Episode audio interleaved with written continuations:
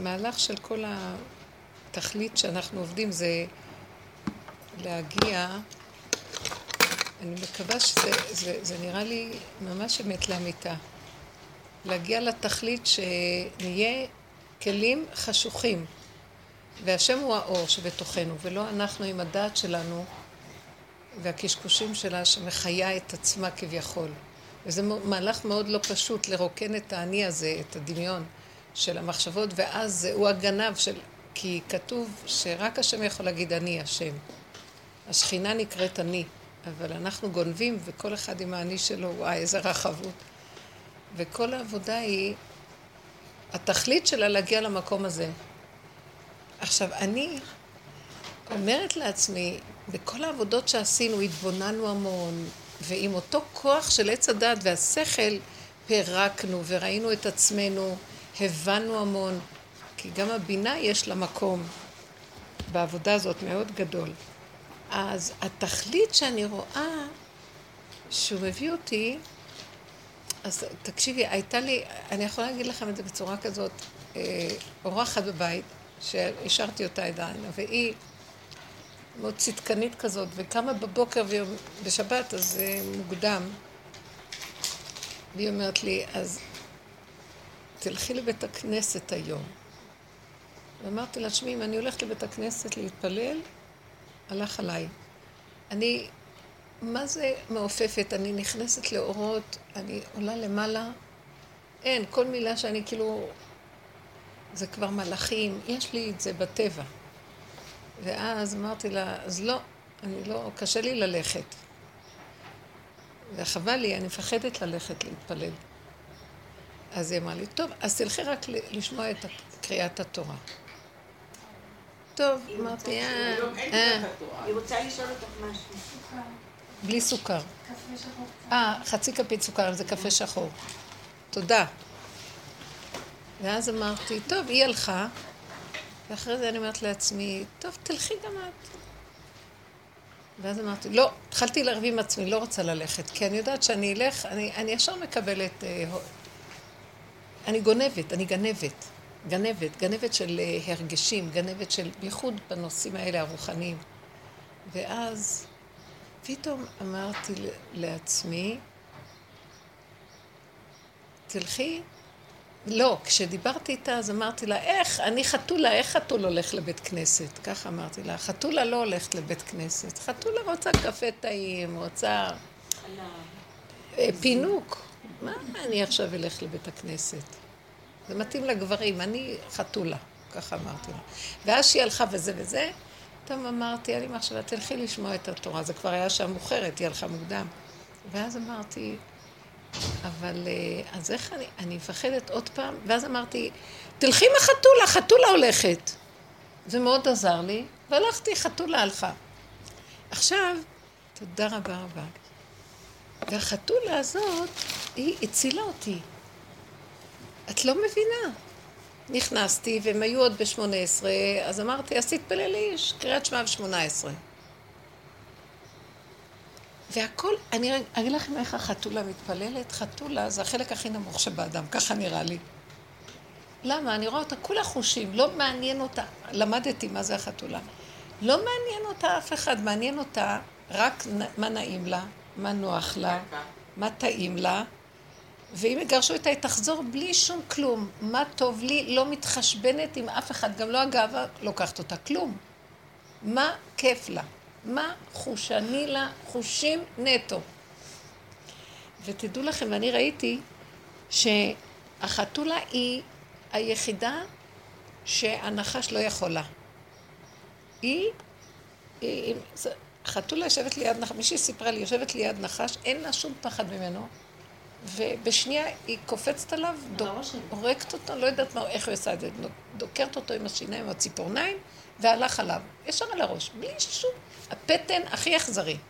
לא מעניין אותה. היא לא, בכלל אין לה פחד מהנקודה הזאת. אמרתי, כל באי עולם מפחדים מהנחש פחד מוות. היא היחידה שלא מפחדת, אז היא במדרגה הכי גבוהה מכולם. זאת אומרת, ככל שהיא נמוכה ממנו, היא לא קולטת מי הוא.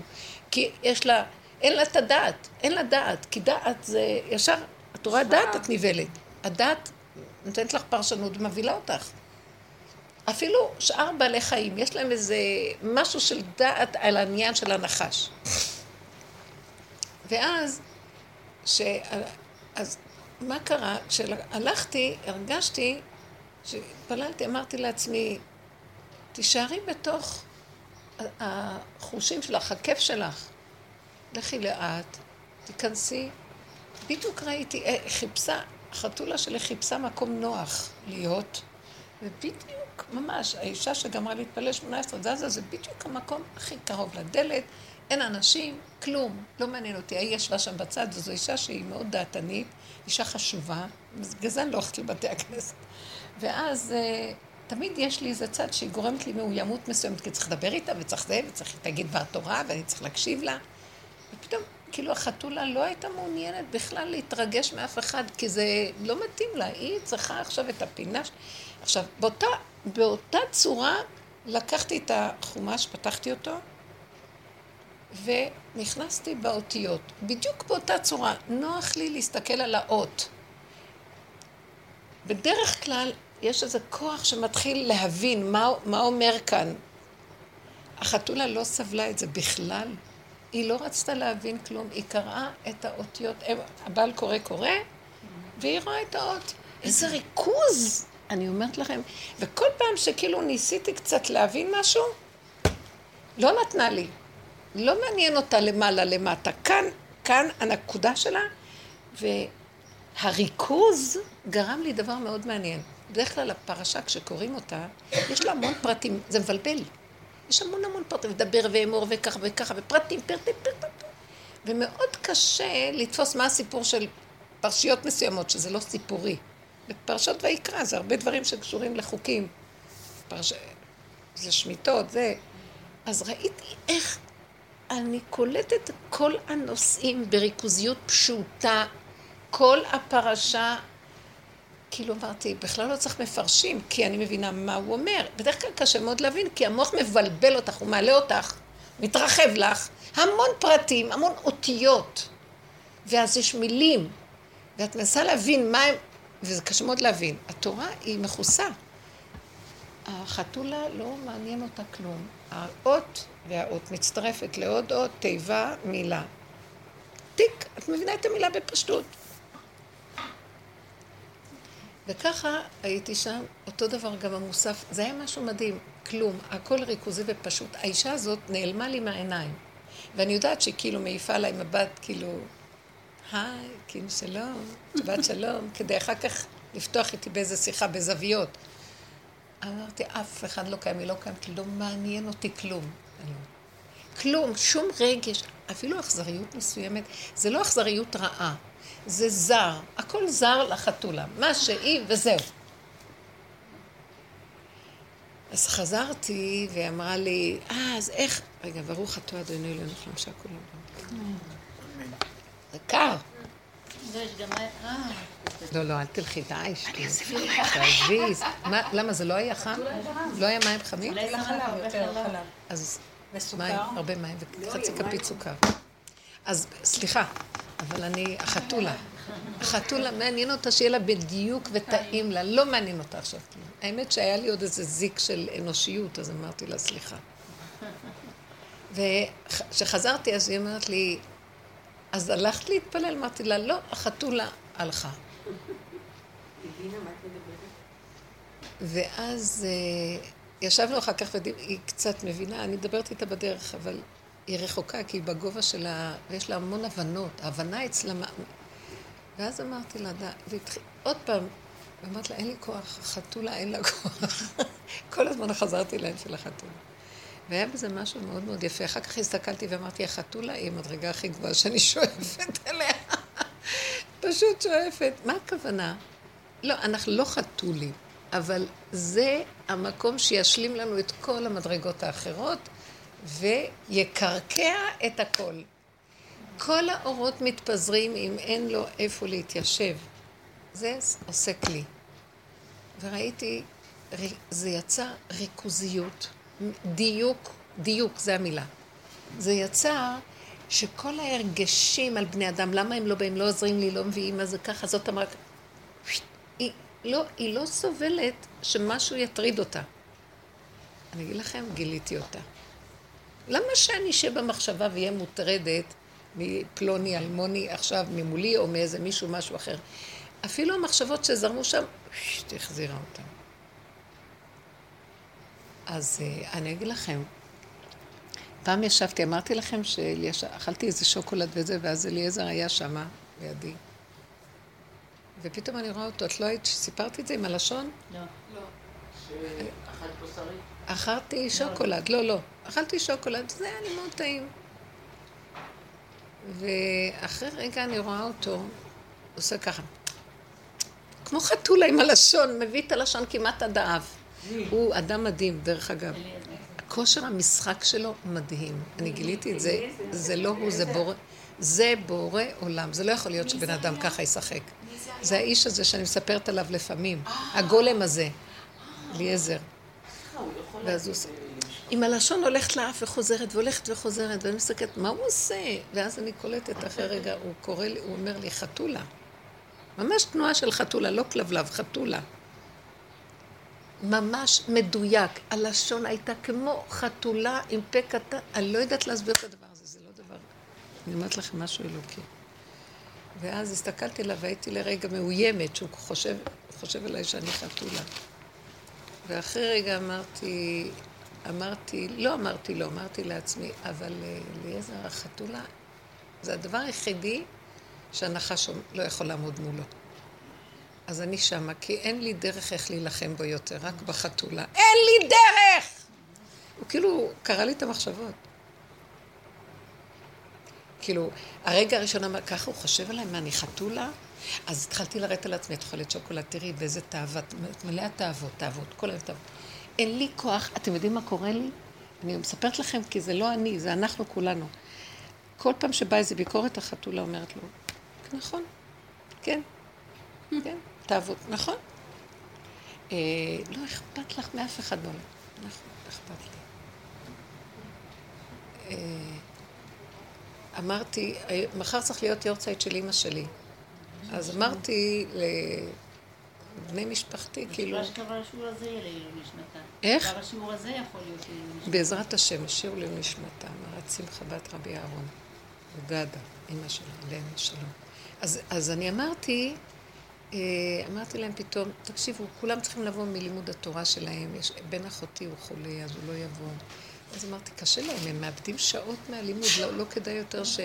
אבל תראי, צריך לעלות לציון לבריאות, צריך לעלות לציון וזה, ופתאום אמרתי, אז לא צריך לבטל את הכול, אני יש לי שיעור בבוקר, שיעור בערב, ואיך אנחנו... ובקלות אמרתי להם, אז לא צריך, ניתן צדקה סעודה באיזה מקום, ויעלו רק להגיד קדיש, וימשיכו ללמוד, לא חבל על כל ה... זה לוקח איזה שלוש-ארבע שעות הדבר הזה. כמה שמצמצמים. ואז לרגע, אז אחותי הזדעזעה, מה? איך מבטלים מנהג שאנחנו נוהגים כל שנה וכולם מתכנסים ונותנים את המקום ומסיימים איזה מסכת, עושים משהו, על המקום כזה. אמרתי, תראי, זה לא, לא, לא נוח לי. איך אני, אני צריכה להיות בבוקר ברחובות, אני צריכה בערב לנסוע בבקעה, איפה אני, איפה אני? וראיתי שהסתכלה עליי, היא דיברה איתי כאילו אני נטרפה לה ידעת, אומרת, לא אכפת לך, לא אכפת לך מכלום. לא אכפת לך מאף אחד. וגם שיש לה בן חולה, ואני מרגישה שאני לא עושה כמעט כלום. לא עושה כלום. בן חולה יש לה. אז מה תעשי בבן החולה שלך? בדיוק. אז פתאום אמרתי, כל הביקורת שאני על עצמי, כי אני רוצה שלמות, ואני רוצה לעזור, ואני רוצה זה, ואני רוצה... ופתאום אמרתי, מפגרת. אז, אז כאילו אמרתי לה, את יודעת, זה מה... אני לא יכולה משהו אחר. אני לא יכולה, אין לי כוח. אין לי כוח לכל הסערה הזאת. אז היא נפטרה עם מעלה השלום מזמן. נעשה איזה מעשים טובים ונעשה קדיש, זה הדבר העיקרי שחייב. אז היא אמרה לי, לא, לא, משהו. ואז אמרתי לה, טוב, שהיא תישאר איפה שהיא. כל כך הסכמתי במקום שלי. ואיך שהסכמתי והלכתי ככה לישון בבוקר, קמתי, ישר, לא יודעת מה, הלכתי, הדלקתי נר, למרות שזה מחר. וידעתי שכן נעשה את הסעודה. זה הכל יכול להיות קטן ופשוט, כאילו הכל היה פשוט. אבל הסכמתי עם עצמי מאוד, וכשהסכמתי ולא לא נתתי לה ביקורת, אני רוצה לדבר על הנקודה הזאת. הביקורת זה הנחש, הוא ככה, וכל היום ככה, והחתולה אומרת לו, כן, ככה, ככה. היא לא מקשיבה אפילו לביקורת, לא רוצה בכלל. מין לימוד זכות מוחלט על המציאות שלה. בהמה, בהמה שבה כולה ככה וזהו. היא הכי בהמה, היא כאילו הכי משלימה מהכל. אין לה טיפת... אה, אני לא יודעת, חתולה, אני לומדת עליה שהיא משהו באמת מיוחד. אחרת מכלב. איך? אחרת מכלב. לגמרי, כלב הוא מרצה. כלב כאילו יש לו נאמנות, אין לה שום נאמנות לאף אחד, רק לעצמה. כן, היא רצה את אתונה, היא נדבקה ככה. כן. לעשות. ויזרקו אותה, היא תחזור. יזרקו אותה, היא תחזור. אין לה כבוד עצמי. זה חם מספיק? צריך עוד קצת חם. טוב. יא, אני לא מאמינה. אבל את שומעת משם מה שאני אומרת? בטח שאני שומעת. החתולה. עכשיו, זה לא ש... אה? חתולה בננה. חתולות לא אוהבות בננות, את לא יודעת. רגע. המקום הזה שאני אומרת הוא, זה כאילו, אה, זה התחנה הסופית. זה לא שאנחנו חתולים, אנחנו מביאים את כל זה לחתולה. כי רק החתולה תעזור לנו לצאת מהמיצר הזה של, ה, של הנחש. זה רותח. תודה מותק, באמת תודה רבה. תודה. ש, של הקטרוג הזה, שהנחש כל היום מקטרג עלינו. כל היום הוא רוצה להיות מה שהוא לא. ואף פעם הוא לא מוכן להשלים, וזה כל הסיפור. תשלימו, תודו באמת, ומודה ועוזב ירוחם, השם נכנס, האור שלו מאיר על הכלי. ככל שהם מודים באמת ומסכימים, ולא נותנים טיפה כלום, אז ידונו אותך בעולם הבא, יהרגו אותך. אז מה אני אעשה? אז מה אני אעשה? אני לא יכולה. אני מדברת את זה, כל היום את אומרת. גם דרך אגב, כשמגיעים למקום של החתולה, את לא יכולה לבוא עם כל העבירות. את חייב, זה, זה מקום מאוד נקי של הבן אדם. אבל עדיין המחשבות לא נותנות לו מנוחה. תראו, עשינו המון עבודות. הדרך הזאת, זה לא דרך של אנשים, זה אנשים שהם היו, הם עשו סור מרע ועשה טוב. הרבה בצדקות, הרבה ב, בידע, בלימוד עץ הדעת מאוד גדול. עשו הכל. עכשיו, בא רב אושר ואמר, עכשיו תרוקנו. ואנחנו עוד לא קולטים למה צריך לרוקן, כדי להיות כלי חשוך. כי רק הכלי החשוך הזה, שם יכול להתגלות האור הגנוז. אם הוא... עכשיו, בא הגנב, יושב פה, והוא מדמה לעצמו שהוא האור, והוא כל הזמן גונב אותנו ולא נותן לנו להחשיך את עצמנו. ורב אושר, מה שבאתי אליו, כל הזמן הרגשתי, כל פעם שאני באה אליו, אני חוזרת ונהיה לי חושך יותר גדול. אמרתי, מה זה? זה צדיקים הולכים ונהיה אור. מזל שכשבא החושך שלו היה לי תחושת שכינה. הסכמתי.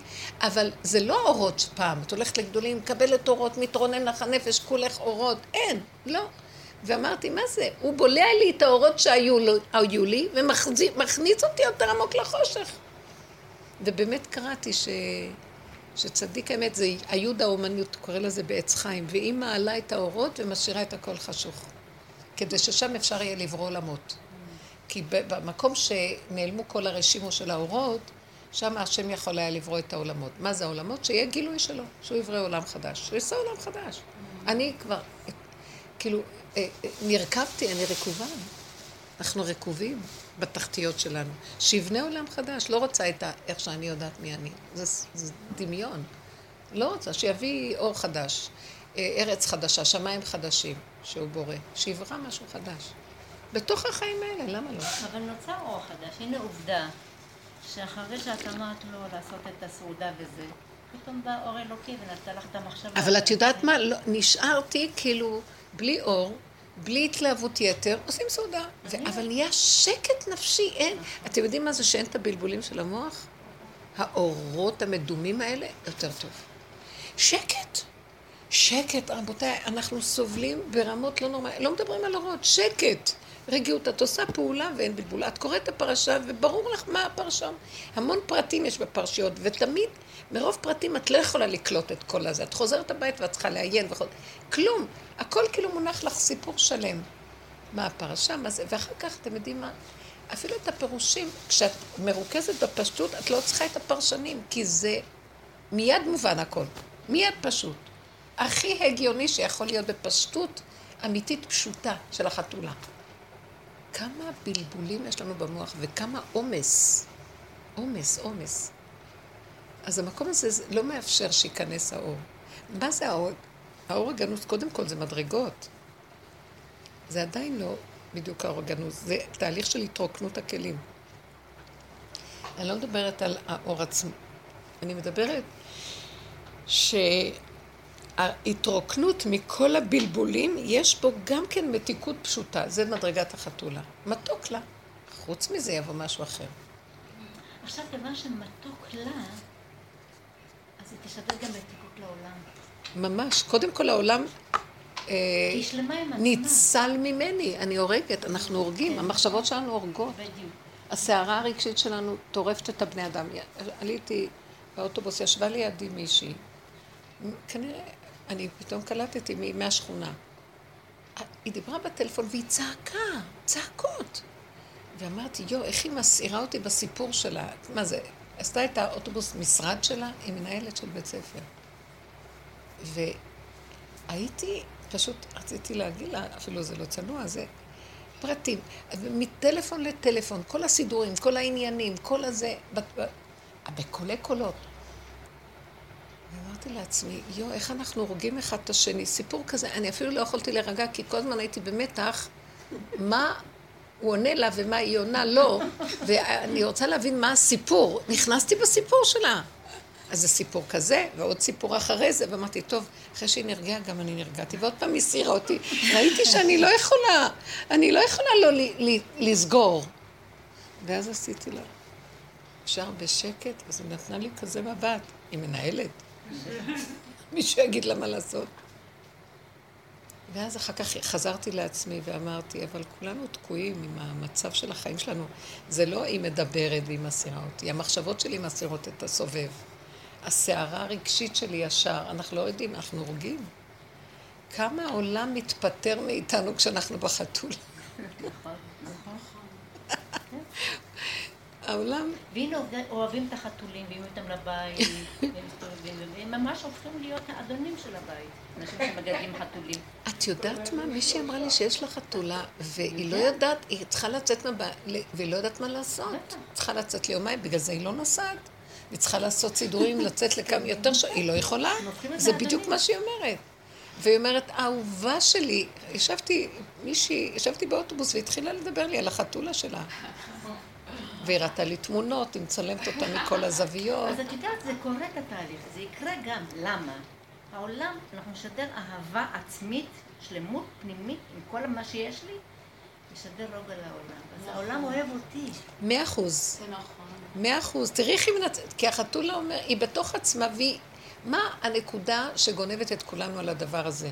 היא שלמה לגמרי עם עצמה. אין לה טיפת ביקורת. עמלק. אין לה עמלק. מעניין הדבר הזה. זה בכלל לא עמלק. זה לא... זה. הפך. זה הפך עמלק.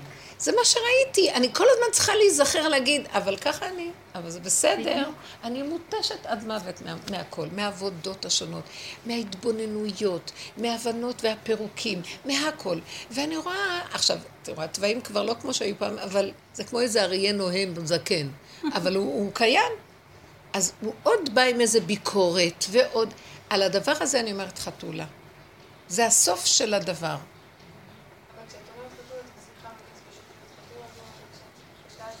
איך, איך? כאילו, אם אני לא מצליחה, אני רואה את ההתנהגות של החתולה, אני הייתי רוצה להיות ככה, אבל אני לא ככה, כמו שאמרת, את יושבת באוטובוס חתולה, לא אכפת לה שהיא תצעק עכשיו, מה אכפת לי מהבעיות שלה, אבל את את בן אדם, את רגישה.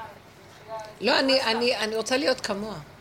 אבל את לא, אני, אני לא מצליחה. נגיד אם אני יושבת וזה מתערבב לי ואני דואגת בדאגות שלה, אז זה עוד נחש שאני אומרת לעצמי, למה את לא חתולה? למה את לא אומרת ש... תלך עם הבעיות שלה. אני לא יכולה להגיד את זה. לא, את לא יכולה לעבוד עליה. את יכולה לחזור לעצמך ולראות שאת לא מסוגלת להיות חתולה. וזה מה ש... אם כבר יש איזו עבודה, אז לנסות להסכים להיות חתולה. כל המחשבות וההרגשות, מה יש לך מהם? סתם את סובלת, לא? כן, אבל היא אומרת, איך מצליחים לעשות את זה-? לא מצליחים. לך לבד, את לבד פתאום הרגשת שיהיה מאחד כאן בכנסת, את אמרת... לא, זה עבודה של חתולה." הרבה שנים. כן. אבל זה בא לך, זה אחרי עבודה של שנים, בא לך לבד שאת משלימה עם המקום שלך. אני חייבת, כי אני הולכת למות. תגידי, המוח הזה יהרוג אותנו. ביקורת עצמית, צנעה, כעס. אם זה על השני ועל עצמי, זה אותו דבר. מה ההבדל? שאני אוציא את האנרגיה השלילית על השני. כן. שמה? המהלך הזה הוא לא קל. את מבינה? אנשים כל היום טוחנים את המוח. אני רוצה להסביר אם נגיד אני רוצה להיות חתולה עכשיו, אני יודעת שיש חברה, יכולה לעזור לי במה משהו, חתולה, עכשיו בלי לחשוב פעמיים, הייתה באה, לוקחת. אני יודעת שיש פה איזה משהו, או כאילו לא מרגישה לא נעים שהיא רוצה משהו. כן, אני חושבת על חתולה, חתולה תבוא וגם יעיפו אותה, היא תחזור, יש פה אוכל, בא לי. כן? אז אני אומרת לעצמי, תהיי ככה, מה אכפת לך? אבל אני לא יכולה, אני לא יכולה, מרגישה לא נעים, מרגישה, נכעס לי, לא יעזרו לי, אני... זה לא... אני לא מחליטה... זה שאת אומרת שאת מרגישה שאת לא יכולה ולא נעים לך, ומתחילים חשבונות, זה עמלק שלך. כן. אז זה עבודות שאנחנו עושים הרבה קודם. כל הזמן אנחנו מתבוננים בהם, ורואים אותם, ורואים שזה לא השני, זה אני, זה לא השני גם. בסוף, בסוף, אחרי כל העבודות, אנחנו מגיעים ללמטה שלנו, כי אנחנו מותשים, כאילו נותנים לנו מכות על הראש והראש יורד. בסוף את רואה, יש שם איזה משהו שאומר, אז ככה אני, מה אני אעשה? כמה אני יכולה? טוב. הוא אומר לך, תפוקה, את אומרת לו, טוב, רק יאללה, שוקולד. חלב. תביא לי רק משהו ליהנות הרגע, מה אני עוד יכולה לעשות?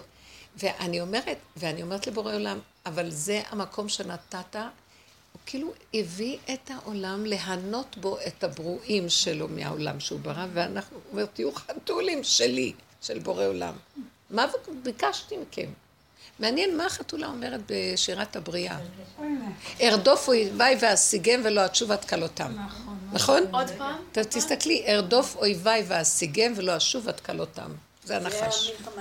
עד הסוף. היא הסוף של הכיליון של האויבים. זהו, זה האויב הכי... עכשיו נזכרתי. ארדוף אויביי ואז... נכון. מה הוא אומר?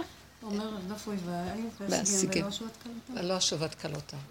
לא, שמעתם? ולא אשוב, אני לא חוזרת עד שהם נגמרים. זה, אז הנה, היא גומרת על, היא גומרת על האויבים. זה, זה האויב הכי גדול, המוח. המוח זה האויב הכי גדול. הוא משגע את הבן אדם, אם לא היה מוח, בן אדם כלום, מה הוא? מה אכפת לו, אוכל, שותה, הולך בגולם, כיף לו, פשוט לא.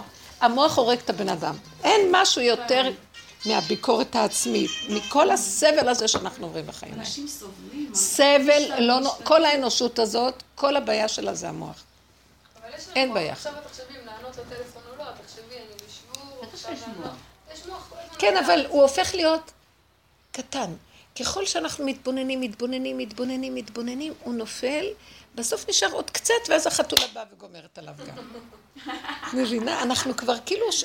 נכנסנו לשטח שלה, שם האם הולכת. לא אכפת להם מכלום. זה צריך שזה...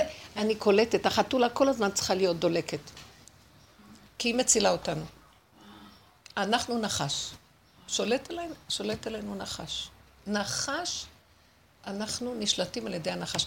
השם הראה לי פעם, כאילו, פעם הייתי גם ב... בביטוח לאומי בתל אביב. לא יודעת, הייתה לי גיסה שם שעבדה. יש לי עדיין גיסה, אבל היא עבדה פעם שמה. והייתי הולכת לבקר אותה מדי פעם, והיה לה שם איזה משרד. עכשיו, במשרד שלה הייתה תמונה ענקית, גדולה מאוד, של נחש שחובק את כל כדור הארץ. יש כזה תמונה? זו תמונה מאוד עתיקה. עתיקה? עתיקה, עתיקה ממש, שהיא מגיעה עד ה... זנב. שלה. הקצה. כל כדור הארץ עטוף נחש יושב ועוטף אותו. עכשיו, ופעם אחת הלכתי לצעוק בשמואל הנביא, היו לי תקופות של צער שהייתי צריכה לסגור את המוסד, והיו לי המון ניסיונות שם. ואז הייתי הולכת לצעוק שם עם מישהי מהחבר'ה של רב אושה. בל- שתיים בלילה, שלוש. לא היה לי רגיעות, לא היה לי סבל. ואז צעקתי, איך יכול להיות כל כך הרבה אה, לתת לציבור, ובסוף אוכל לחמי הגדיל עליי עקב, מישהו מבפנים, גיס חמישי, פרק לי, זה- על כלום. והיה לי כאבים. אחד שבא, לקחתי אותו למשרה, נתתי לו משכורת, נתתי לו תפקיד חשוב, משכורת יותר גבוהה ממה שלקחתי בכלל. והוא בסוף, משוגע פשוט. ואז צעקתי צעקות כאב איומות לבורא עולם, מה, אין, איך יכול להיות, איפה אתה? הוא הראה לי משהו, תמונה בנפש, שכל העולם הזה כולו שטן. אין כולו זה בעל הבית פה, אבל יש חוט דקיק של חוט, דק עד לבלי נבדק. כמו שאומרים, חוט, חוט, חוט תפירה דק, מלמעלה למטה, שזה החוט שדרכו יורד אור, בזכות שהצדיקים עושים את ה... הוא הראה לי ככה, בזכות שהצדיקים נותנים אפשרות שהחוט הזה יהיה לו מקום פה, על ידי עבודתם. אבל החוט הזה היה כמעט בלתי נראה. זהו, זה המצב פה. אומר לי, הנה, זה התמונה, את רואה? מה את מתפלאה? מה חשבת שפה זה? זה לא עולם הבא, זה לא גן עדן עלי אדמות פה. פה זה עמק הבכה. פה זה המדור של הנחש, מה חשבת? וכל באי העולם נלכדים כי חושבים באים, יש להם... ואיך הוא מסמא עינינו, יש לנו אפשרויות, ואנחנו זה, ובואו, סעודת אחשוורוש בעיצומה, יש הכשרים, הכל יש. ועזבו עכשיו העניין של התורה, הוא כבר לא אומר לנו זה לא מצוות, זה כי כולם יכולים לשמור, היום השכל שומר את המצוות. זה, הוא, דרך המצוות גונב אותנו, דרך ההלכות הוא גונב אותנו, דרך העשיות של החסד, דרך התורה. וגם, וצריך להיות כל כך דקים שם, כי הגניבה, הוא זה שמקיים היום את התורה דרכנו. הוא זה שנותן חסד, הוא זה שנותן תרומות, הכל זה הוא. מאוד קשה איך לצאת ממנו. ואני זוכרת שהייתי אצל... אני הייתי, הייתי לקראת הסוף, נכנסנו, היא סיפרה לו, היא שאלה אותו שאלות, ככה, למה צריך לעשות ככה, לעשות ככה, אני לא יודעת מה לעשות. אז הסתכל עליו, אל תעשי כלום, בשביל מה לעשות? בשביל מה לעשות? כל מה שלא נעשה, ייגנב. בשביל מה לעשות? כך הוא אמר, לא לעשות. זה דבר שהוא כל כך קשה, כי אנחנו רוצים לעשות. ומה המניע שמפעיל אותי לעשות? אינטרסים, כבוד, פעילות, עשייה. טוב, צריך לפעול, אבל לא שזה, כאילו זה החיות של החתולה, זה בסדר. אבל חוץ מזה, זה העולם יכיר בי, ואז אני אעשה ואני אכתוב ואני זה ויכיר. הכל נגנב, על המקום. הכל מעוות לא יוכל לתקון. ואז אני, אני אומרת, אבל תראי, אם זה שקהלת כתב קהלת והכל מעוות, בכל אופן הוא השאיר כמה ספרים חשובים שהאנושות נהנתה מהם. ואז אמרתי, כן, נכון. אז ברמה הזאת שבסוף משהו קצת כן אפשר לעשות לשם, אבל שום דבר לא שלנו. כלום לא שלנו פה. ויש בכלל סוגיה שלמה בחכמים על שלמה המלך, אם בכלל יש לו חלק לעולם הבא. וזה דבר מפחיד. כי היה, היה לו איזה נפילה, אני לא יודעת, שהוא חקר מדי או שאל מדי או התערבב, לא יודעת מה. אין לנו בכלל, מי יכול, לא. אין, לא יצדק לפניו כל אחד. ויש כאלה שאומרים שכן, ויש הכל בסדר. בטוח שאי אפשר אדם כזה, זה אור אלוקי. אז המקום הזה של כדור הארץ פה זה כזה, תגידו, אבל אתם יודעים מה? אז מה החוכמה? החתולה אומרת, אני פה ואני לא שייכת לכלום, ויש לי חיים, אני מנצלת את המקום הזה בשבילי. זאת אומרת, היא לא שייכת לתוכנה ש, שכדור הארץ... דרך אגב, בתוך כדור הארץ יש את האפשרות לצאת מהנחש גם, כי זה המקום היחידי שאפשר לצאת מהנחש. אה, זה החידוש. לא יודעת, לא, לא הבאתי את זה פה. אולי כן הבאתי, כן, אני אקריא את זה. הוא כותב פה ש... אה, מי זה כותב פה? כותב הרב מורגנשטרן, שהוא מקובל, שמעת עליו. ואז הוא אומר שתכלית הבריאה זה להגיע לבחינת ניצוץ א', זאת אומרת לתכלית של האור הגנוז, שזה מדרגת עתיק. רק על ידי זיכוך הגוף שהוא השגה, שהוא הכלי להשיג פנימיות חוכמה, שהוא פנימיות עתיק. הוא אומר שהתכלית של הכל, אני עוד מקום רוצה אה, לקרוא, שתכלית כל הבריאה להגיע לקדושים תהיו, זה שרק, זה רק מדרגת הגוף, גוף, רק גוף. והוא קורא לזה בזאת יבוא ארון אל הקודש. זאת זה הגוף, זה המלכות. יש מי ויש זאת. מי זה הבינה וזאת זה המלכות. אז בגלות אנחנו עובדים, ולפני כן, במדרגה הראשונה, זה להשיג אה, מי, מי, מי זה המהות, זה מידת הבינה, זה הבנה, ולעבוד עם מדרגות שעולים למעלה. מה שהצדיקים כל הזמן מזכחים את המוח ועולים למעלה. אבל התכלית שכל העולם נברא, זה, וזה הוא אומר, זה בחינת מדרגת אריך אנפין, זה אור כזה, אבל המדרגה היותר גבוהה זה להגיע למלכות, והמלכות זה הכוח שהוא קשור לכתר, לאור העליון הקדום, עתיק יומין, שזה מועתק מהעולם, רק על ידי הגוף, בגלל זה תחיית המתים חשובה. כי התכלית של כל, של כל אחרי ימות המשיח, זאת אומרת, יש חבלי משיח ויש גילוי משיח, ואחר כך ימות המשיח, ואחר כך תחיית המתים. אז תחיית המתים, ואחרי זה הולכים לעולם, לאלף השביעי. אלף השביעי זה בלי גוף של פה. אז התכלית של ששת האלפים זה גוף של פה מזוכח. עכשיו, מה זה מזוכח? אני השתגעתי, אמרתי מזוכח, אז זה מה שעושים כולם. הם לא סובלים את הגוף ובורחים ממנו, נכון? לא אוכלים, לא זה, מתבדלים מהגוף. אז הוא אומר, לא. זה לא שהוא אומר, זה משתמע שכל התכלית שלנו זה לסגור את המוח שבורח מהגוף ולרדת לגוף. לרדת לגוף. אבל בלי מוח. עכשיו תראו מה, אני רוצה להסביר לכם. כי אם המוח מתלבש על הגוף, הוא אומר, פויה, לא רוצה את הגוף. זה תאווה, זה זה, זה זה, הגוף מלא תאוות. אם אין מוח ויורדים לגוף בלי מוח, סוגרים אותו. אין מוח. אין מוח גם עליון של מידת הבינה הגבוהה שמסווג ומקטלג ויודע. גוף, חתולה, בלי מחשבה, זה התכלית. זה הופך להיות חושים דקים קטנים, אין מי שיתבונן עליהם ויגיד זה לא טוב, זה כן טוב, יש ככה, זה הגוף, ככה זה. והחושים פועלים. על המקום הזה יורד האור של התכלית, שזה קדושים תהיו. זה לא אני מקדשת, משהו יורד והוא מקדש את הגוף. אנחנו לא יכולים יותר לקדש אותו. מה שנמצא, שהמחשבות הם זה שגורמות שהגוף טמא, והמחשבות הם זה שאם הם יצאו, הגוף בסדר גמור. זה לא שעבדנו על הגוף והוא נהיה יותר דק כל הדורות. עבדנו לפרק את עץ הדעת, והוא זה שמגשם את, את התוואים.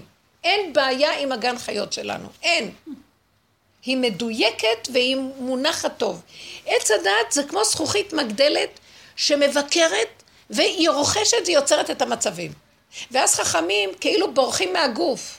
אבל בעצם זה לא הבעיה של הגוף, והוא ירדוף אחרינו. עובדה שבסוף מכריחים אותנו לרדת לגוף. תראו את העולם נראה כולו גוף. זאת אומרת שזה לא שזיככנו אותו, פשוט עץ הדת נגמרה העבודה שלו ועכשיו יצטרכו לרדת לגוף בפשטות. אני רואה את הצעירים בדור האחרון מאוד בגוף. מאוד, אין להם אפילו בושה, ואני אני, אגיד לכם את האמת, אני רואה למשל, אני רואה, בסוף, אני מגלה בסוף שהם יותר נקיים ממני. הם יותר בפשטות של ככה זה. התהליך בדורות קורה, אנשים עושים דברים של גוף, אנשים הולכים ערומים בחוץ, זה לא בושה להם, שורץ, הכל. אה, בכלל, אני מהגאווה שלי לא אלך, אז זה בכלל לא קשור לצניעות כבר. זה גניבה של הצניעות. הכל נגנב. המקום הזה של איך שזה גוף זה החתולה ככה.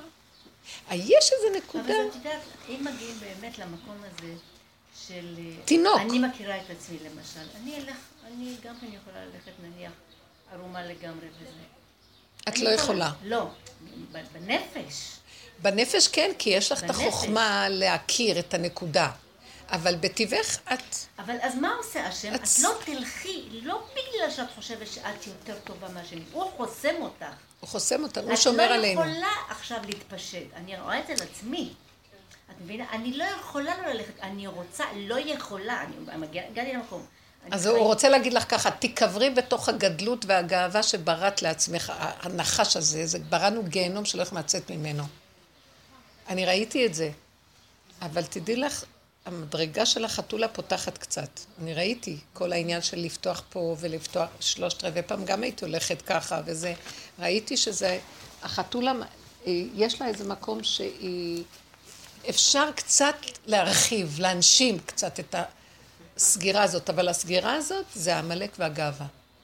כל אלה, לא רוצה להגיד כלליות על אף אחד, אבל ככל שיותר צנועים זה יותר עמלק. בגלל זה באיראן זה, הם לא מרשים לאנשים ממש, הכל וה... זה עמלק אחד גדול, פשוט. זה גדלות, וגם ה... מישהו אמר לי שהפסקים שלהם, קראתי באיזשהו מקום, לא, לא, מישהו אמר לי, קראתי פעם כתבה על, ה... על האסלאם של האיראנים, שהפסקים שלהם, יש להם חכמי הזה שלהם, איך קוראים לה? קוראן. האייתולות שלהם. אז הם, הם, אה, לא, זה פטרות, ככה הם קוראים לזה, הפסקי הלכה, הם מסובכים בצורה, זה עמלק. טק, טק, טק, טק. גם אצלנו מסובך, כי הוא הולך זה לעומת זה. אבל אצלנו זה מי שיצליח להביא את הכי פשוט, הוא הגדול יותר. והם, כמה שיותר מסובך, זה הגדול יותר. מהשרים, כאילו, ראית? יש בחורות שהולכות... זה דבר חדש שנהיה, לא היה כזה דבר. אתמול אני ראיתי, היינו בהלם, אנשים הסתכלו, עברה שם מישהי, אני הייתי בטוחה שהיא נזירה. אבל היא לא לבשה שחור. מכף רגל עד ראש זה היה לבן. עכשיו המצח כולו עטוף בלבן, היינו בטוחים שהיא גויה. הכל עטוף בלבן. מפה, מאחורי הקונוס הזה המוזר שהן שמות, יורד של עד הרצפה לבן. איך את יודעת שהיא... מה? אני יודעת, כי היא נכנסה לרחוב לתוך בית יהודי. מי לה וכן שם במשהו הזה. משהו חדש עכשיו. לא, יש כאלה, יש כמה כאלה, כן. שבת זה הלבן. מפחיד. אז מישהי הייתה גם יוצאת עם אוהל, אתם יודעים? נכון. אז שלא תצא. לא, בא לי שלא, תשב בבית, היא כל כך צנועה, שב בבית. תשב בבית, מה היא יוצאת עם האוהל? מישהי עם אוהל הייתה יוצאת, ועכשיו מאוד קשה לה לעלות אז עכשיו מה לאוטובוס מישהי עם האוהל. היא שמה מתחת לפרצוף שלה, היא לא רוצה שהוא, שהיא תראה, יראו את הפרצוף שלה, אז מה היא שמה? איך היא מגוחכות? רשת. לא, היא שמה קרושה, מפת קרושה פה. שהיא תוכל לראות דרך החורים. אמרתי, רק עציץ חסר. מה לראש? מסכנות. זה כבר לא חשוב. מאמינות. גם חתולה, גם חתולה, את יודעת מה היא עושה את זה מבחינה חברתית, ככה יותר נוח לקחת חברות שלה, למה, למה לא? ככה היא שזה רוצה, מתפרץ. ללכת עם אוהל. שמה? לא, אני רוצה שתאמינה. כאילו, שטוב לה. לא. אם היא עושה את זה מטעם החתולה, לא אכפת לי, אבל היא לא עושה את זה מטעם החתולה. מטעם החתולה תעשה דבר כזה, תגידי. היא לא עושה את זה מטעם החתולה, לא אכפת לי. היא עושה את זה מטעם שזה מדרגה. זה הגניבה הכי גדולה, אבל אני לא אדאג על הגניבות שלה, היא מראה לי את הגניבה שלי. השני הוא רק המראה שלנו, לא, לא לעצור בו. עכשיו, זה שאת אומרת, מה אכפת לך, זה עושה לה טוב? יש מה שנקרא עושה טוב, שזה עושה טוב לה וטוב לבריות ולעולם ממנה, ויש מה שנקרא עושה טוב לה ומחריב את העולם, מבינה? אז היא עכשיו, זה מחריב עולם. היא לא מחריבה עולמות, דווקא אני ראיתי כאלה והתחזקתי מהם, שאני רואה כמה הם מוכנים שיבזו אותה, אה, והם מרגישים, לא, לא משנה אם אני מסכימה איתם או לא, אבל הן מרגישות שהם ילכו עם זה משהו במסירות הזאת, משהו דווקא חיזק אותי, אני לא חייבת ללכת ככה, אבל אני מעריכה את זה. אז זה החשיבה החיובית שלה. היא הולכת, את הולכת עם חשיבה חיוב- חיובית שהן? הולכות לחפש ביזיון ודרך זה, תדעי לך שזו הגניבה הכי גדולה שיכולה להיות. ללכת בצורה שמתריסה, ואז דווקא לעמוד בזה שהיא לא תיפול מה, ממה שאנשים אומרים. וזה דבר מאוד מאוד מאוד קשה. אלא האדם צריך ללכת בהסתרה ממוצע, כאיש מן האנשים, שלא ירגישו בו, ואם נתנו לו ביזיונות, אז במקום הזה שיעבוד על המקום. אבל הוא לא צריך ללכת ל- ל- להגיד, תסתכלו עליי, אני מחפש עכשיו מדרגה, אותי." איך להתגבר על הביזיונות. כי ברגע שאדם מגרה את העולם עליו להראות איזה מדרגה יש לו, שם הנחש הכי גדול יושב. מי יכול לו בכלל ללכת במקום הזה? מי יכול להתגרות בו? זה קורא תיגר מאוד גדול, זה מסוכן. עכשיו, היו סיפורים מאוד מיוחדים, ואני מרגישה שיש בהם נקודה. כמו הסיפור הזה על אה, ביינוש, שהיה אה, ביינוש קמצן, או יוסלה קמצן גדול, שהרב קרליבך שר עליו, נכון? קמצן גדול. כן, קמצן גדול. אז, אה, אז יש סיפור, אומרים על ביינוש, לא חשוב, זה וריאציות שונות, שהוא היה גביר מאוד גדול, ולא היה בשום, לא מקבל אליו שום כאלה שדפקו, זרק אותם, זרק אותם, וכולם ידעו שהוא הקמצן הכי גדול שיש בעיירה. אבל שבהלוויה שלו, רבי לוי יצחק מברדיצ'ה, בעיירה הזאת, אה, כשהוא נפטר, אז היורשים, לא היורשים, הבנים שלו באו לבקש אה, לקבור אותו בחלקת קבר. אז הגבאים של העיירה אמרו, את זה עכשיו, אנחנו, הנקמה הכי גדולה זה עכשיו. הוא רוצה שטח להיקבר בבית העלמין, מה שכל אחד מהקהילה זכאי לו, הוא ישלם בפי מיליון יותר. לא, אף אחד לא משלם, הוא ישלם, מיליונים. אז הבנים אמרו, למה שיגרע חלקו של אבא שלנו ולא יקבל חלקת קבר, כמו כל יהודי? אז הגבאים אמרו, לא היה, הוא לא היה שייך לקהילה. ואז הם החליטו להגיש את התביעה הזאת לרבי לוי יצחק מברדיצ'ב. אז הבנים באו אליו וסיפרו לו. אז ברגע שהוא שמע שהוא נפטר, הוא ספק כפיים ובכה, אוי ואבוי שהצדיק הזה נפטר, אוי ואבוי לי שהצדיק הזה נפטר, אוי ויי, והוא התחיל לבכות ואמר, תגידו לי מתי הלוויה אני בא להלוויה. עכשיו, כולם היו עמומים שהרבי לוי יצחק, הצדיק של העיירה והדיין גדול היה, הוא הולך להלוויה של אדם כזה? כולם דיברו עליו, זה היה משהו לא רגיל. אבל מאחר והוא הולך, כולם באו. ואז בהלוויה הוא אמר, אני רוצה להספיד. ואז הוא סיפר את הסיפורים האלה. ואז הסיפור מספר. שהוא אמר, אתם חושבים שהוא היה כזה וכזה, אז שלוש פעמים הגיעו אליי דיני תורה שקשורים לאיש, לרבינו שלנו, ככה הוא קרא לו. שהיו לו מפעלים, והייתה, והיה עובד אצלו איזה מישהו במפעל. עכשיו, במפעל הזה, אותו אחד, נמאס לו מהבית שלו ומאשתו ורצה לברוח לה, ולהשאיר אותה עגונה. ואז הוא אמר לה, תקשיבי, אני יוצא, יש לי אפשרות להרוויח המון כסף בחוץ לארץ, אני בעיר אחרת, ואני משם אשלח לך כל חודש משכורת. ותדעי לך גם כן, שכל חודש, חוץ מזה שאני משם אשלח, וגם אני אביא סכום כסף מאוד גדול, אה, בינו שהבעל הבית, ניתן לך כסף. אני הולך בשליחות שלו, הוא ייתן לך כסף. כל חודש.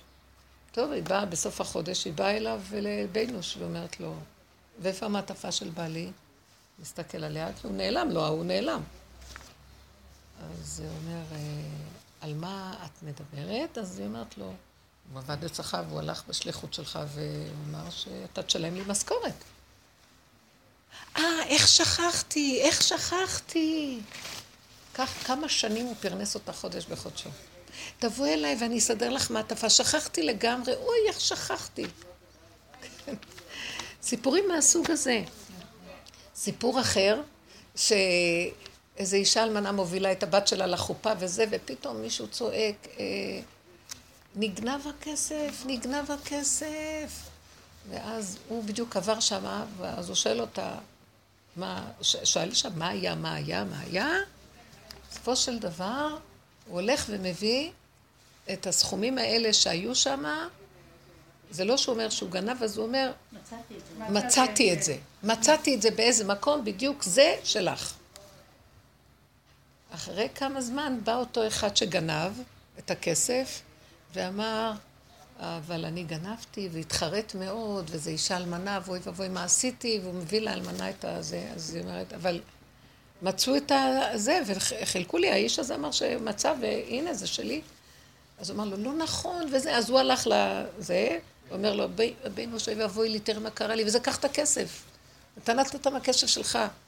אז הוא אמר לו, מה שאני עשיתי זה צדקה שלי, מה זה קשור אליך? זה, זה, זה, זה בעיה שלך, זה לא קשור אליי. אני נתתי את הצדקה שלי. אומר לו, לא, נלך לדין תורה. כמו ש... אה, אה, לא, מה סיפרתי על אותה אחת? אז בעלה חזר אחרי כמה שנים, והביא סכום כסף גדול. ואז הוא אומר לה, אז היא אומרת לו, כן, אבל אה, הכל היה בסדר, אני, הוא נתן לי מעטפה כל חודש, אז הוא אמר, הוא הלך אליו ואומר לו, אני רוצה להחזיר לך את כל הכסף, כי הרווחתי הרבה. אז הוא אומר לו, מה פתאום? זה מה שאני עשיתי, זה קשור אליי, מה זה קשור אליי? אתה רוצה לסדר את הכסף שלך למישהו אחר, אני לא מוכן לקבל ממך את הכסף. אז הם הלכו לדין תורה אצל הרב, הוא אומר לו, בוא נלך לדין תורה, ואז הסיפור הזה נודע. ואותו דבר גם פה, אז הוא אומר לו, אז נלך לדין תורה, אני רוצה להחזיר את מה שלא... אתה שילמת לה, זה מה שאני גנבתי. הוא לא הסכים לקבל. וככה כמה דיני תורה שבאו אליו לרבי, והכל במקום הזה שהוא עשה חסדים וצדקות מוסתרים, וכלפי חוץ הוא היה נראה הקמצן הכי גדול שיכול להיות, ואף אחד... בסוף כל הקהילה ששמעה את זה, הגבאים נתנו לו חלקת קבר וזה, והוא אמר, הוא אמר, זה הסתרה כל כך גדולה. עכשיו, תבינו שבן אדם עשה את זה, באיזה צורה הוא עשה את זה. זה בכלל לא בצורה מתריסה, כמו שאני יוצאת ומראה את המדרגה שלי. זה משהו אחר, מחפשת שידעו, שיבזו אותי. יכול להיות שיש להם איזו מחשבה שהן חושבות שזה יעשה איזה משהו בעולם, צדקות. אולי איזה מקום של אה, בעץ הדעת זה כן, כאילו... כן, הן חושבות. הן חושבות זה שזה. יביא איזון לכל הפריצות שיש בעולם. אבל האמת שעבודת עץ הדת נגמרה והנחש נמצא בתוך זה. ועכשיו ימין ושמאל תפרוצי, גם את הימין תפרוצי, ולכי בפשטות עם המציאות של החתולה, ורק להשם. זה, זה הביזיון הכי גדול, ואין אור יותר גדול מזה. עכשיו, מספיק רק שהביזיון הזה בינו לבין עצמו של האדם. זה רב אושר היה קורא לזה מדרגת הזונה. סליחה על הביטוי. היא קשורה עם השם, עם המציאות שלה, וכולם חושבים עליה דברים. בדיוק הפוך. הפך מהצניעות. זה מדרגות אחרות. אתם יכולות להבין. זה האמת, האמת היא מדהימה, היא מגניבה. היא מגניבה, האמת, הכל הפוך. הבן אדם נראה לך דפוק, הוא לא רק לזרוק אותו, לגלגל אותו מכל המדרגות ולירק עליו, והוא משיח השם. ממש קשה. ומה, מה השאלה? מישהי אמרה לי, הייתי בנהריה ונתתי שיעור שם, מישהי אמרה לי, תקשיבי, היה, אני אומרת לך, היה כאן איזה בן אדם שהסתובב, ואני קלטתי שהוא לא בן אדם רגיל, בשום אופן לא. ו, והיא סיפרה איזה משהו שהוא עשה, והיה ישועה מאוד גדולה למישהו לידה, ואז התחילה להגיד לאנשים, האיש הזה, זה משהו מיוחד, בואו נרוץ אחריו, ואז התחילו לתת לו כבוד, הוא נעלם, היא אומרת, הוא נעלם, אף אחד לא יודע איפה הוא. לא לחפש, את מבינה? זה. זה קשה.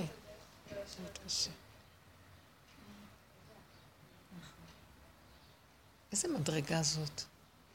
לא לרצות טיפת כבוד. כולם נכשלים בדבר הזה, מאוד קשה. כבוד זה החיות של האדם. עכשיו, אני ראיתי שהחתולה זה המקום שעוזר לעמלק שלי ולביקורת. זה שאני מונחת, תראו מה תעשו עם עצמכם. לא, נראה לי שזה מקום שאפשר לקחת ממנו, כי זה מביא ריכוזיות וצמצום, ואין למוח מקום. הוא יו- יותר מהר, זה לא שאין לו מקום, יותר מהר הוא חוזר לככה זה וזהו זה. אני לא מוכן לצאת מהריגוש, הסיפוק שלי הרגע. סיפוק הפשוט. זה לא הסיפוקים שהיינו עובדים עליהם, שרבו שלנו אומר, תעבדו על הסיפוקים והאיפוקים של הסיפוק.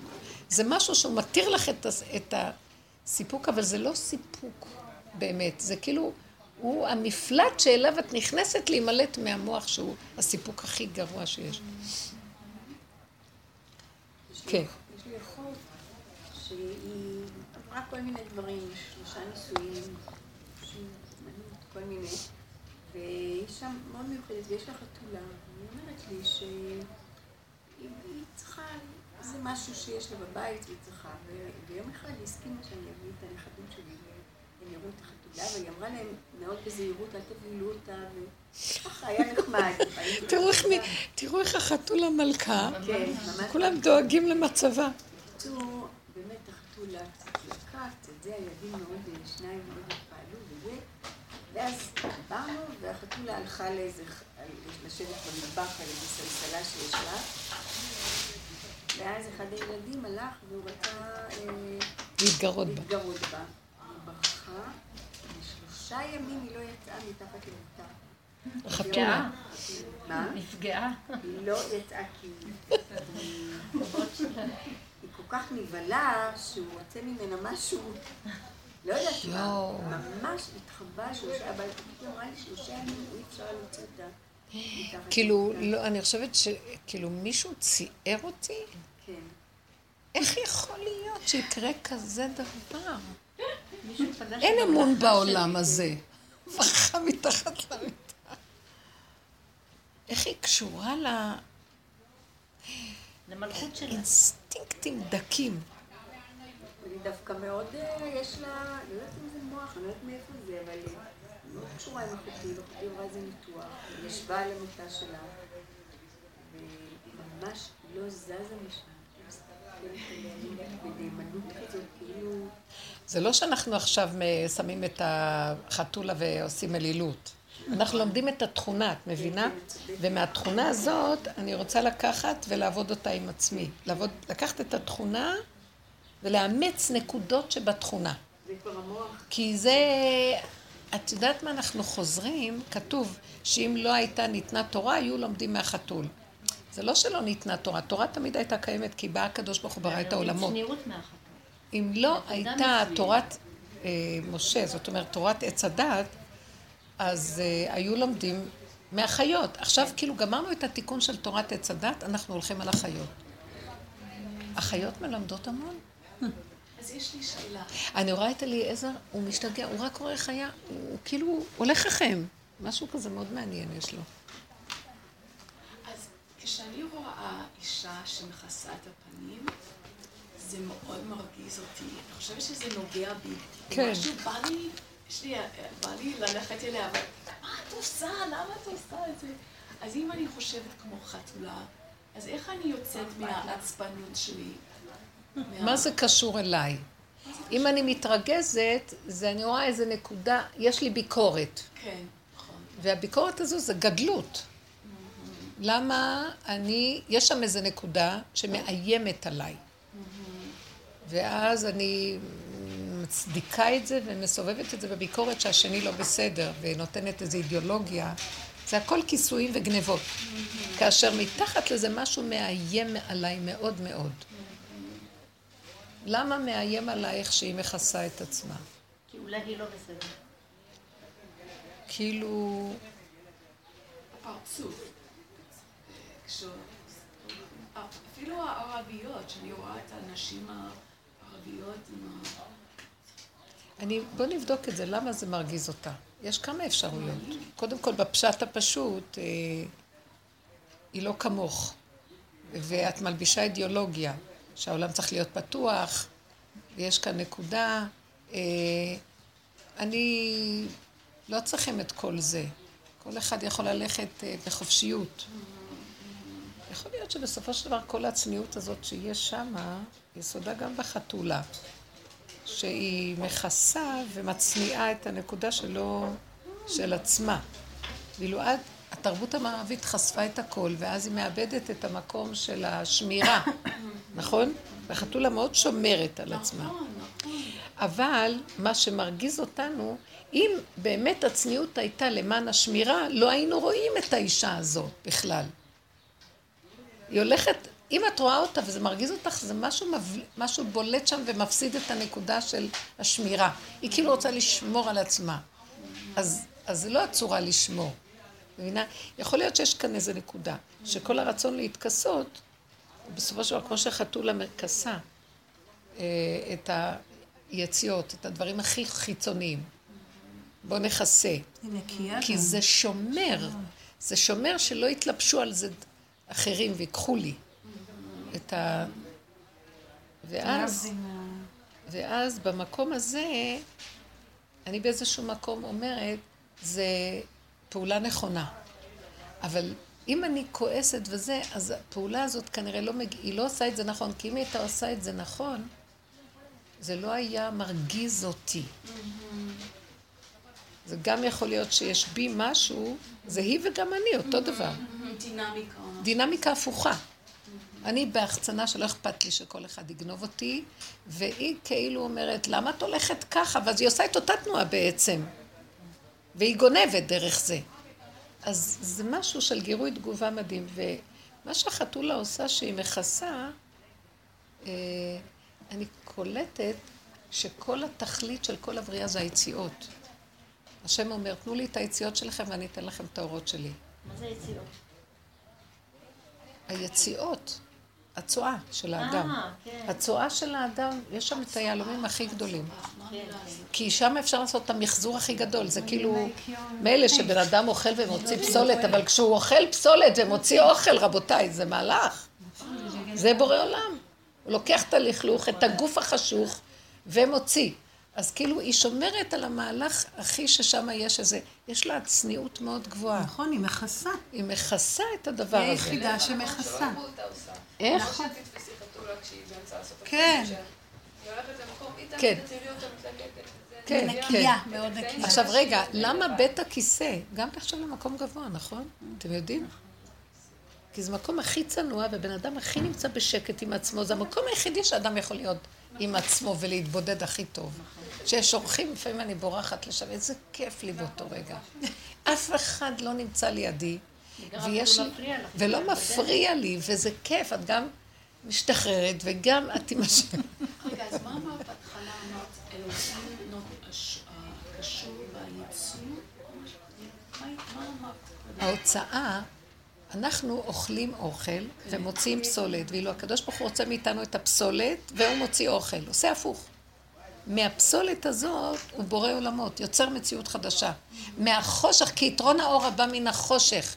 לכן הגוף הזה, בסוף ממנו יהיה הישועה. לכן משיח יבוא על החמור. כי החמור זה הגוף, חמור לבן. הגוף המזוכח הזה, שזה המדרגה הזאת שאנחנו מדברים. מה זה גוף מזוכח? עוד פעם. זה שאין לו מוח שמבקר אותו, כי הגוף מזוכח תמיד. הגוף, המוח הוא המקולקל. המוח הורג אותנו, המוח הוא דן, המוח שופט, המוח מביא את הבן אדם להרוג, המוח מביא את הבן אדם לגנוב, לא הגוף. המוח זה לא הגוף. הנחש. לא הגוף. אבל זה מאוד, אה, אה, נגיד בסיפור של האדם וחווה, זה הדבר הבולט. לפני החטא, לפני החטא, החטא, זה המוח. היה גן חיות שלם, היו שועלים והיה זה, והשועל יש לו נטייה לערמומיות וסיבוביות, ויש לה, והכל היה בסדר. אז הוא היה מסתובב, בסדר גמור, ככה הוא נולד. זה קומבינות, בסדר? מאוד חכם, הוא חכם, הוא ערמומי. אבל אחרי זה זה נהיה גנב. הכל נהיה עם, עם אה, קונוטציות שליליות, ונהיה דין, ונהיה עכשיו מתח, וכל הזמן הגנבים בורחים והשוטרים רודפים. ככה זה כל הזמן, מלחמות, יצרה ואין סוף. ובסוף אני מסתכלת ואומרת, מה שלא עבודה שעשיתי, לא נגמר היצר, לא נגמר כלום. עוד פעם. ואז פתאום אני קולטת, זה המוח שלך עושה את זה. יאללה, מה עשית כבר? זה כבר לא גדר אפילו של עבירה, אפילו אם זה יסוד של כאילו, באותו רגע שאת מעלה את זה להשם אין דין, אין כלום. אין כלום, כי את לא יכולה אחרת, וזה לא נוגע בלהזיק למישהו מבחוץ, כי הכל מוצנע כבר. אנחנו עובדים במדרגת נפש. העבודה הזאת היא מדרגה מאוד דקה של התבוננות. היא לא ממש גוף. ואז במקום הזה הגוף הוא זך. מספיק כבר, מספיק כבר להתנפל עליו, מסכן הגוף הזה. ככה נראה לי. אני אומרת לכם שכל הקל... כל הקלקולים זה רק המוח, זה לא הגוף. ברגע שהמוח הזה מורם, הגוף לא רוצה כלום, הוא מוגבל, ויש לו גבוליות שמתאימה לו, זה גבול כזה, זה... אבל כשהמוח מתבונן עליו, הוא מרחיב אותו, זה זכוכית מגדלת. כמו שפעם אמרנו, שהנמר יכול להרוג אחד, לטרוף אותו ככה, בעזות. ואילו היטלר טרף 50 מיליון אנשים, זה נמר פי 50, בגלל המוח המקולקל שלו. הייתה לו מידת אכזריות, אבל זה התלבש, המוח העמלקי הנוראי הזה הגדיל את זה בצורה שזה היה בלתי נס- נסבל. איך בן אדם אחד יכול לעשות כזה דבר? זה מוח מזעזע. אם לו יצויר, אני מנסה להגיד דבר שהוא מזעזע, לו יצויר שהיטלר ישב במקום שהוא ברח, וישב והסתכל וראה שזה הכל העמלק שלו, זה המוח שלו, ונניח שהוא היה מכיר בזה ועושה על זה, אומר, אבל זה משהו נורא שהתלבש פה, והוא היה נשבר באותו רגע להשם. אני מנסה לדמיין ציור כזה, אה? אפשר, אפשר, אמרו שהרשעים הכי רשעים. אה, איך יכול להיות שאדם כזה, הוא צריך להיות משהו מאוד גדול מלכתחילה? הוא שטן בכבודו בעצמו. איך יכול להיות שהשטן יעשה תשובה, זה התכלית של כל הבריאה? ברור שחלק ממנו ייעלם. וחלק יהיה, יחזור. החזיר עתיד להתאר. מה? הוא היה גם בריכוזיות שלו, בחתולה בצורה מוחלטת. הוא היה מה? בריכוזיות של עצמו, בחתולה בצורה מוחלטת, מושלמת. הוא היה שליח של השם. הוא לא היה בחתולה, הוא היה... הנמר והחתולה זה אותה משפחה באמת. נכון, הם משפחת החתולים. לא היה לא. הוא היה בחתולה להשם. אנחנו אומרים בהמות עמך, אבל השם משתמש בו. השם משתמש בו. יכול היה להיות אחרת, תדעו לכם, אנחנו היינו רואים את הדברים, זה, בושר תמיד היה אומר, שהייתה שואה בגוף ולקראת הסוף תהיה שואה בנפש. נכון. ואנחנו יכולים למנוע את זה. וגם הצדיקים בכו ואמרו שיכלו למנוע. אבל אה, זה להיות בהכרה מלאה של להודות על הפגם שלנו. וכשאנחנו לא הודינו בו גם, והלכנו עם ההחצנה של הגאווה, זה מה שעורר את העמלק הנוראי הזה. זה גאווה מול גאווה. מזעזע. מה זה שואה בנפש? שואה בנפש, זאת אומרת, עצמך. תסתכלי מה אנחנו עוברים כדי להכיר שכל זה זה שקר לא נורמלי והחיים שלנו כולו זבל. תמיד תחזרי לעצמך. אבל זה בהתחלה היינו עושים, לא השני זה אני, והיינו יורדים על עצמנו, והיינו מבקרים את עצמנו. אז זה תשובה. אז כבר אמרתי לכם, של תהליך התשובה הזאת פשוט נגמרה. נגמר העבודה הזאת. עכשיו זה רק גוף, עבודת גוף. ככה. אז אין מוח. אם יש מוח קרליץ. בגוף, אוי ואבוי. אה? עכשיו זה הרב קרליץ, רק לשמוח כן. ממה שיש. לקבל מה ש... לקבל מה שיש לגרור רגל. הרב קרליץ, זה הבית דין של קרליץ? לא, לא, הוא מהמשפחה שלהם. משפחה. הכל מתיקות, מתיקות, תקבל את עצמך כן. ותהיה שמח. ומה שאתה רוצה, אתה רוצה זה טוב. פעם- פעם הוא אמר לי, אני מוכן להתחתן איתך. חמוד כזה, כמו ילד קטן, מי אמר את זה? הרב קרליץ. הוא כל כך מתוק. רבי ינקי קראנו לו, אה, כן. ומישהי אמרה, אמרה לו, אני, אם אני, גירשו אותה מבית התו שלי, הייתה בשבתות שמה. אז אמרה, אם אני אשב בבית, גירשו אותי, אני אעשן סיגריות בשבת. הוא אומר לה, אני מרשה לך לעשן בשבת סיגריות. אל תהיי בצער. הוא פטר את כולם, כולם. מה שאתם רוצים תעשו. אני מכירה, אני מכירה כמה סיפורים כאלה. עליו, על הקרליץ. שאנשים שאמרו לי מה הוא אמר להם. הוא גם, וגם אליעזר כאילו יכול לתת הוראה, אה, כאילו. תשמרי על עצמך ואל תרוצי השם שומר. עם הרגל. השם שומר, אני אגיד לך את האמת, אין כזה השם. השם הוא בתוך החתולה. אז זהו, מה הוא מאותת לי? אם תתרכזי בתוך זה שתחיי את הסכנה. שם הוא נמצא ועוזר. לך. לאט, אל תרוצי, תהיי מדויקת. בדיוק, מדויק. בדיוק הוא נמצא. איזה מותק. רבה. תודה, יפה, יפה, מתוקה.